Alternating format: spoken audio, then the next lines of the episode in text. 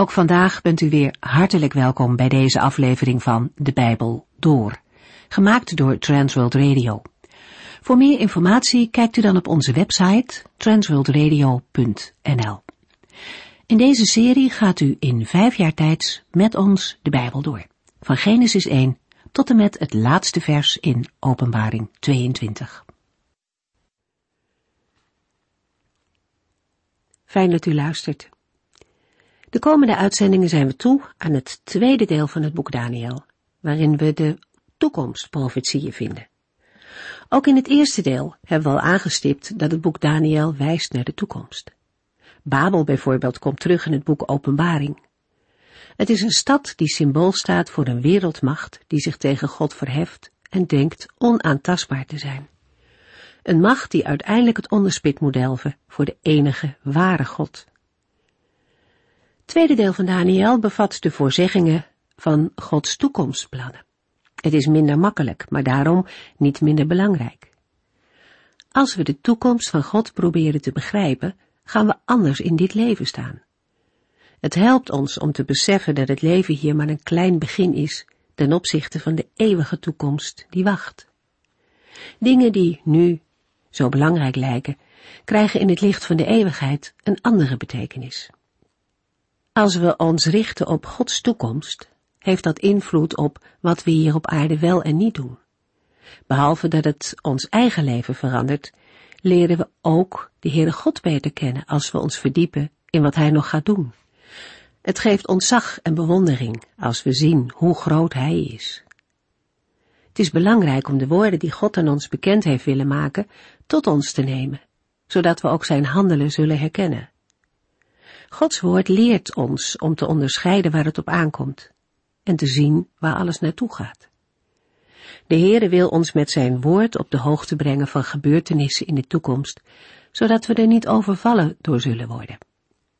We mogen weten dat wat er ook gebeurt, het de Heere niet uit de hand loopt. Daniel 7 biedt zicht op de troon van God. Die troon staat vast en vanaf die troon wordt er geregeerd. Het hoofdstuk kan als een parallel van Daniel 2 worden gezien. De koninkrijken van de wereld die Nebukadnessar in zijn droom zag, in het beeld, worden door Daniel in zijn droom en visioenen gezien als vier dieren die uit zee opkomen. Die dieren hebben een angstaanjagend uiterlijk, en ook wat zij doen is benauwend.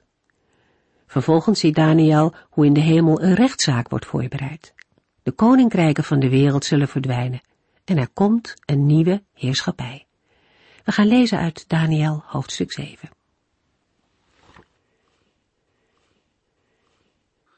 In de vorige uitzending hebben we al een begin gemaakt met Daniel 7. We zagen dat hoofdstuk 7 een nieuw en ander gedeelte van het Bijbelboek Daniel opent. De eerste zes hoofdstukken bevatten de donkerheid van de loop van de geschiedenis met profetisch licht. En de laatste zes hoofdstukken van het Bijbelboek Daniel zijn profetisch licht in de donkerheid van dat wat nog komen moet. Terwijl in het eerste gedeelte van Daniel de nadruk ligt op het historische, ligt de nadruk in het tweede gedeelte op het profetische, maar wel ingekaderd in de geschiedenis van de mensheid. De Heer heeft Daniel verschillende opmerkelijke visioenen gegeven van vier dieren. De profeet kreeg deze visioenen in verschillende perioden. Bij ieder visioen staat de datering erbij en wordt het regeringsjaar van een koning genoemd. Daniel vermeldt deze visioenen niet in het historische gedeelte van het Bijbelboek, maar verzamelde de visioenen in het profetische gedeelte. In een nachtelijke droom zag Daniel uit alle vier de windstreken een hevige storm losbarsten, die de grote zee geeselde. De profeet zag een onafzienbare watervlakte voor zich, waarmee de in voortdurende onrust en beweging verkerende volken van de wereld worden voorgesteld. Uit deze zee van volken ziet de profeet vier grote dieren opkomen, die alle vier verschillend zijn. De winden spreken van onrust, gejaagdheid, beweging en verschillende meningen. De zee suggereert massa's, de mensen, de volken van de wereld. In Openbaring 13, vers 1 en 2 lezen we dat uit de zee een antigoddelijk beest opkomt. En op zijn zeven koppen stonden beledigingen tegen God. Het beest dat werd gezien leek op een luipaard of panter, maar had de poten van een beer en de muil van een leeuw. De draak gaf het beest zijn kracht en gezag, heel zijn grote macht. Opvallend dat we in openbaring de namen van dezelfde dieren tegenkomen. In Jesaja 57 vinden we eenzelfde beeld van de zee, verbonden met mensen die de Heere blijven afwijzen.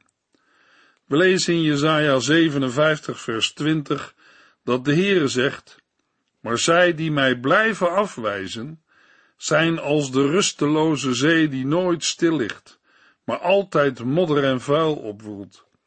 Voor hen, zegt mijn God, is er geen vrede.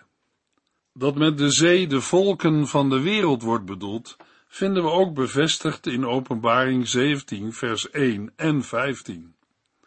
Een van de zeven engelen met de zeven schalen zei tegen mij, Kom, ik zal u laten zien onder welk oordeel de grote hoer valt die aan vele waterwegen zit. De waterwegen die u hebt gezien waar de hoer aan zit, zijn alle rassen, volken, stammen en taalgroepen. Meestal waait de wind maar uit één richting. Maar in Daniel 7 vers 2 komt de wind met groot geweld van alle kanten. Het verwijst niet alleen naar de onrustige situaties waaruit de vier koninkrijken opkomen, maar in het bijzonder ook naar het laatste stadium van het vierde koninkrijk. In het vierde koninkrijk zal er naar worden gestreefd om het denken van de verwarde en onzekere mensenmassa's van alle rassen, volken, stammen en taalgroepen onder controle te krijgen. Wij zijn vandaag in die laatste fase van het vierde koninkrijk. De ontwikkelingen in onze tijd en wereld gaan zo snel dat er een streven is onder de mensen om alles samen te brengen tot een soort eenheid. Verschillende ideologieën, regeringsvormen, opvattingen en oplossingen, alles moet onder één noemer en gezamenlijk worden opgelost. Op alle continenten is onrust, onvrede en worstelen mensen om te overleven. Onze problemen worden met de dag groter en wij weten de oplossing niet. Tijden veranderen, seizoenen en klimatologische omstandigheden. Zoals het vroeger was, is het niet meer en volgens velen werken de oplossingen van vroeger vandaag ook niet meer. Volken die eeuwenlang een primitieve beschaving hadden, zijn plotseling in de moderne tijd geschoten. Technische ontwikkelingen en nieuwe ontdekkingen hebben het denken van mensen veranderd. Gevangen in nieuwe ideologieën zijn de gedachten van mensen bezoedeld en zijn er grote meningsverschillen over hoe wij de problemen vandaag moeten oplossen. Wanhopig proberen wij de wereldproblemen onder controle te krijgen, maar het lijkt op water naar de zee dragen. Bij de uitleg over het vierde dier zullen wij op deze dingen nog verder ingaan. Ziet u om u heen gebeuren wat Daniel 7 vers 2 beeldend wil zeggen? In mijn nachtelijke droom zag ik de winden uit alle vier de windstreken losbarsten in een hevige storm die de grote zee geeselde. Het is een schrikaanjagend en verontrustend beeld dat Daniel ons voorhoudt. Begrijp me niet verkeerd. Ik zeg niet dat wij vandaag in onze tijd de vervulling van deze profetie zien. Ik zeg met alle bescheidenheid dat het vandaag al aardig uit alle vier de windstreken waait. En ik weet ook dat een storm nog behoorlijk lang kan aanhouden. De voortgang van de tijd zal ons laten zien hoe dicht wij bij de wederkomst van Christus zijn. We lazen in Daniel 7, vers 3 en 4 over het eerste dier. Vier grote dieren rezen op uit het water, alle vier verschillend. De eerste zag eruit als een leeuw, maar had ook arendsvleugels. Terwijl ik bleef kijken, werden zijn vleugels uitgerukt. Hij kon niet langer vliegen, maar werd opgetild en op zijn voeten overeind gezet als een mens en kreeg het verstand van een mens.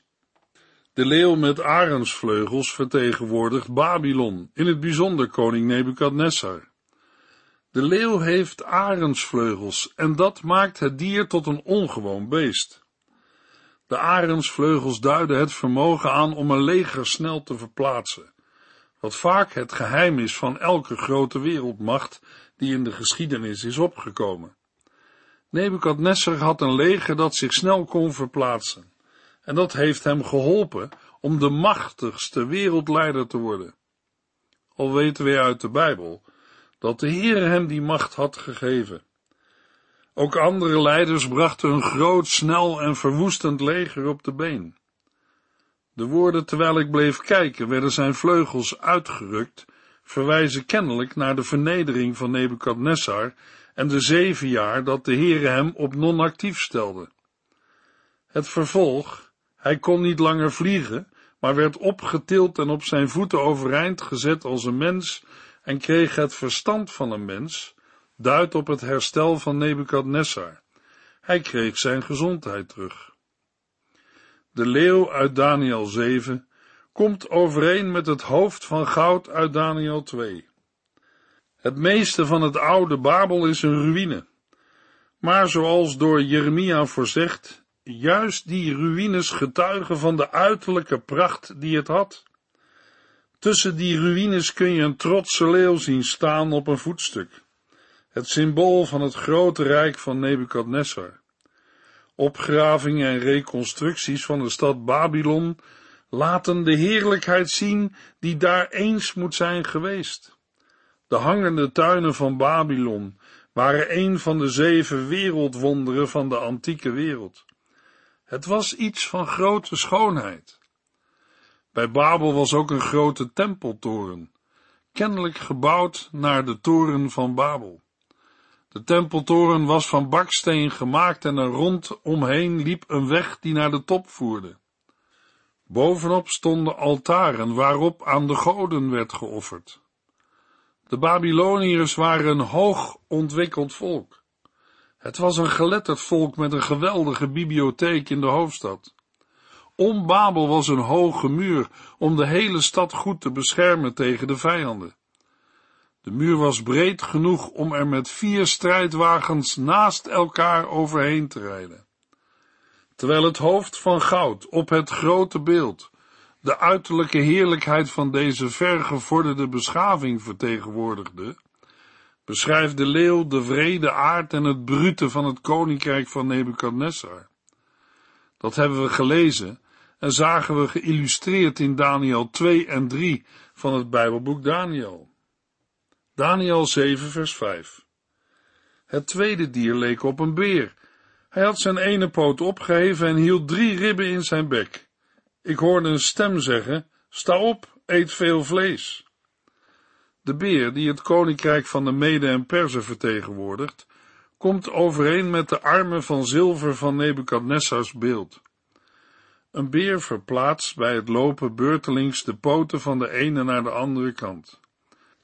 Het opheffen van zijn ene poot geeft aan dat hij naar een nieuwe prooi gaat, terwijl hij nog niet klaar is met de vorige, want hij heeft nog drie ribben in zijn bek.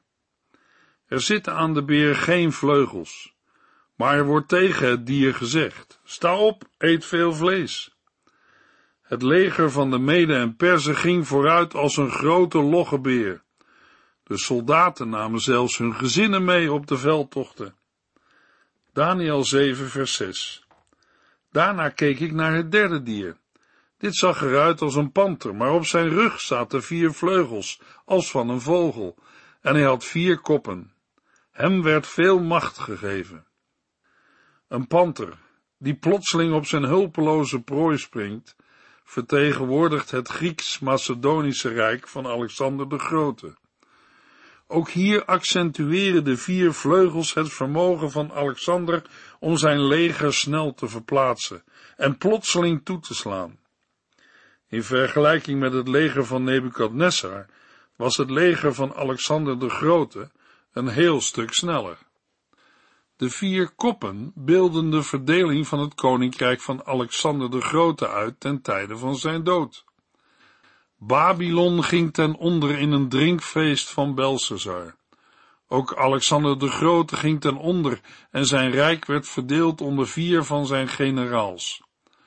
Cassander nam Macedonië, Lysimachus nam Klein-Azië, Seleucus nam Syrië, waaruit de kleine hoorn kwam van Daniel 8, namelijk Antiochus Epiphanes, die een ravage in de tempel van Jeruzalem aanrichtte, en tenslotte nam Ptolemeus Egypte, en natuurlijk kwam Cleopatra later in die lijn aan bod.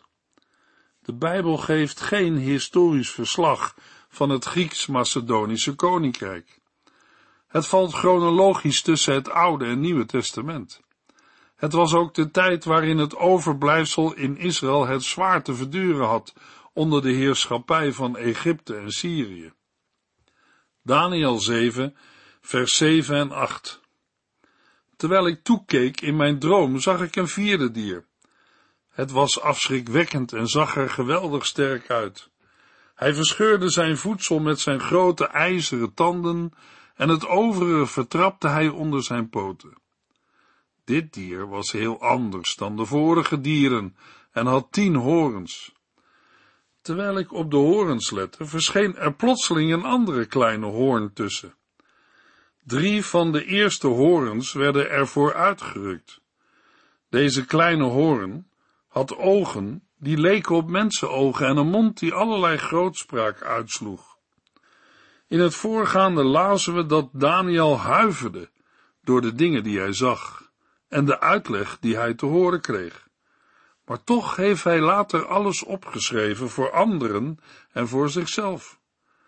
Vandaar dat hij ook nadrukkelijk informeert naar dit vierde dier. Daniel ziet het in zijn droom in vers 7 en 8. Hij vraagt na de korte verklaring door de uitlegger, het zal een engel zijn geweest, in vers 19 tot en met 21, of hij het goed heeft gezien en krijgt dan in vers 23 tot en met 25 de bevestiging en de uitlegging van dit onderdeel van het visioen. Tot driemaal toe lezen we uitvoerig over dit vierde dier. Het neemt een centrale plaats in bij de droom en de uitleg. Wat ziet Daniel precies? Dat lezen we allereerst in vers 7 en 8. Weer een dier, maar er is geen vergelijkingsmateriaal voorhanden. Het is verschrikkelijker dan een leeuw, gruwelijker dan een panter of luipaard en sterker dan een beer. Wat opvalt zijn de grote ijzeren tanden waarmee het zijn nooit te verzadigen honger probeert te stillen en alles vermorzelt wat het dier te pakken krijgt. Wat aan zijn tanden ontsnapt, vertrapt het met zijn poten, zodat er niets van overblijft. Daarbij heeft het dier tien horens, symbolen van macht en stootkracht. Dit vierde dier is als de andere, maar ook heel anders. We lezen het in vers 7, 19 en 23. Terwijl hetzelfde in vers 24 nog eens wordt gezegd van de elfde hoorn die na de tiende opkomt. Over die hoorn spreekt vers 8. Het is een kleine hoorn, maar hij groeit, want er worden drie andere opzij gedrukt omdat hij ruimte moet hebben. En als Daniels aandacht op die laatste hoorn is gericht, dan ziet hij er iets van een menselijk gezicht in, althans, hij ziet ogen en een mond die grote dingen spreekt. In de weergave van wat hij ziet in vers 19 tot en met 21 vinden we een paar bijzonderheden. In vers 19 horen we van koperen klauwen die grijpen en nooit weer loslaten. In vers 20 vertelt hij dat die elfde hoorn inderdaad groter werd dan die andere tien. Maar in vers 21 wordt pas goed duidelijk waarom Daniel zo van streek is geraakt bij het zien van dit dier. Die elfde hoorn voert oorlog tegen de heiligen, dat wil zeggen tegen Gods volk. En dat is het meest schokkende nog niet, want sinds de zondeval in de Hof van Ede is die strijd er altijd al geweest. Maar wat Daniel schokt, is dat die elfde hoorn het wint van Gods volk. De heiligen worden verslagen. Ze lijden nederlaag na nederlaag. De grote vraag van Daniel is nu, klopt dat? En wat houdt dat dan in? De uitleg spitst zich dan ook duidelijk op die laatste hoorn toe. We lezen in vers 23 tot en met 25 over het vierde dier. Dat zal het vierde koninkrijk zijn. Koningen en hun koninkrijken worden blijkbaar op één lijn gezet. Die tien hoornen zijn tien koningen die uit dat rijk zullen voortkomen. En daarna komt dan nog eens die andere, die elfde, die anders zal zijn dan de vorige, en de plaats zal innemen van drie vorige horens. De grote woorden van de elfde hoorn zijn lastertaal tegen God. Gods volk zal hij verstoren. De tijden en de wet zal hij voor hebben te veranderen. En gedurende een bepaalde tijd zal hij daar de macht over krijgen ook. Maar wat betekent dit alles? Als we even terugkijken, dan ontdekken we dat in onze uitleg het vierde dier op zijn vroegst het rijk kan zijn dat na het Griekse koninkrijk komt. Dat wil zeggen het Romeinse rijk. En anderzijds zien we dat die elfde hoorn heerschappij voert totdat het gericht komt, dus tot de oordeelsdag. Vergelijking met andere Bijbelgedeelten doet ons in die elfde hoorn de persoon en het rijk van de antichrist herkennen.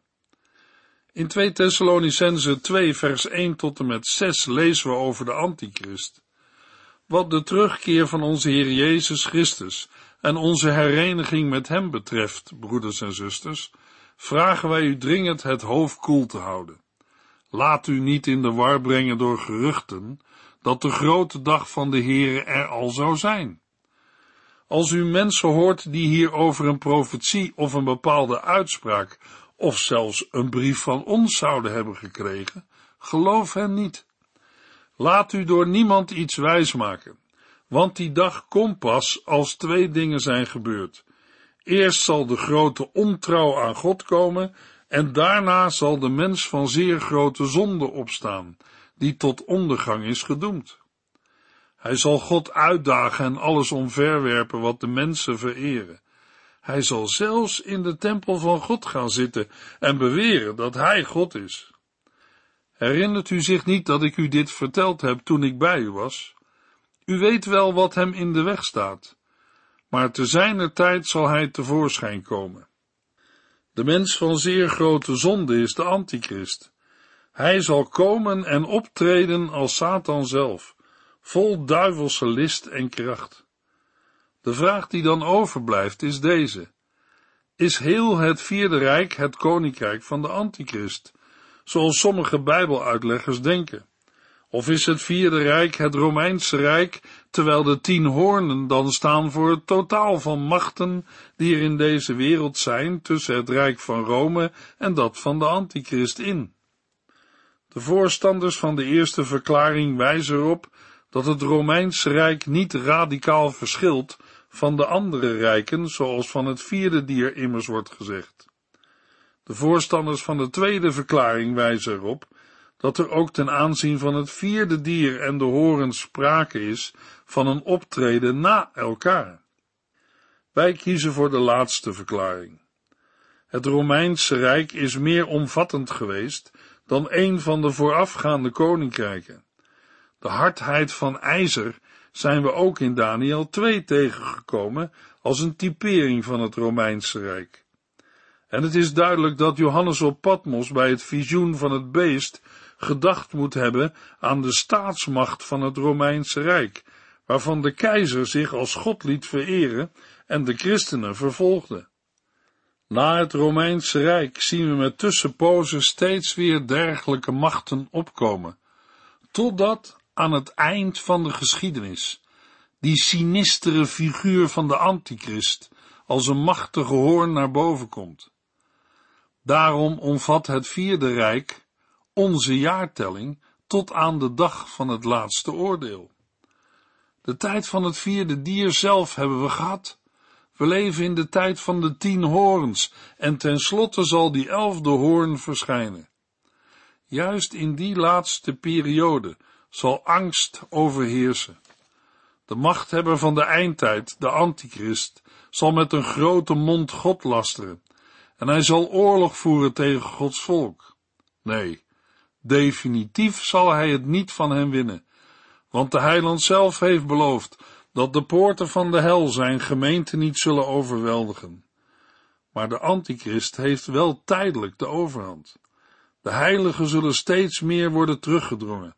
Ze zullen terrein moeten prijsgeven, totdat zij aan alle kanten omsingeld zullen zijn door de vijand. Daniel 7, vers 25 zegt, Hij zal tekeer gaan tegen God, de Allerhoogste, en zijn heilige achtervolgen. Hij zal proberen alle wetten, regels en gebruiken te veranderen. Drieënhalf jaar lang zullen de heiligen aan zijn grillen worden overgeleverd. De gemeente van Christus, bestaande uit Joden en niet-Joden, zal worden uitgewrongen, zodat alles eruit weg wordt gehaald dat niet tegen hem bestand is. Wat meeloopt, verdwijnt. Wat niet vuurvast is, verbrandt. Er blijft maar een kleine kudde over, een kudde slachtschapen in grote nood. Moeten we zo eindigen? Eindigt de geschiedenis zo? Nee, zo zal de wereldgeschiedenis niet eindigen, want Daniel 7 vers 26 vertelt dat er een moment komt waarop er een rechtszitting zal zijn, en dan zal hem zijn macht worden ontnomen en zal hij voor eeuwig vernietigd worden. Het wordt een bange tijd. Daniel verschiet van kleur en hij heeft toch wel het een en ander gezien en beleefd in zijn leven. Maar er komt een moment waarop de Heere zegt, tot hiertoe en niet verder. Niemand zal daar iets aan kunnen veranderen. Een vaste burcht is onze God een toevlucht voor de zijne. Al drukt het leed, al dreigt het lot, hij doet zijn hulp verschijnen. De vijand drukt vast aan met opgestoken vaan, hij draagt zijn rusting nog van gruwel en bedrog, maar zal als kaf verdwijnen. In de volgende uitzending lezen we verder in Daniel 7, vers 9 tot en met 13. U heeft geluisterd naar De Bijbel Door, in het Nederlands vertaald en bewerkt door Transworld Radio. Een programma waarin we in vijf jaar tijd de hele Bijbel doorgaan. Als u wilt reageren op deze uitzending of u heeft vragen, dan kunt u contact met ons opnemen.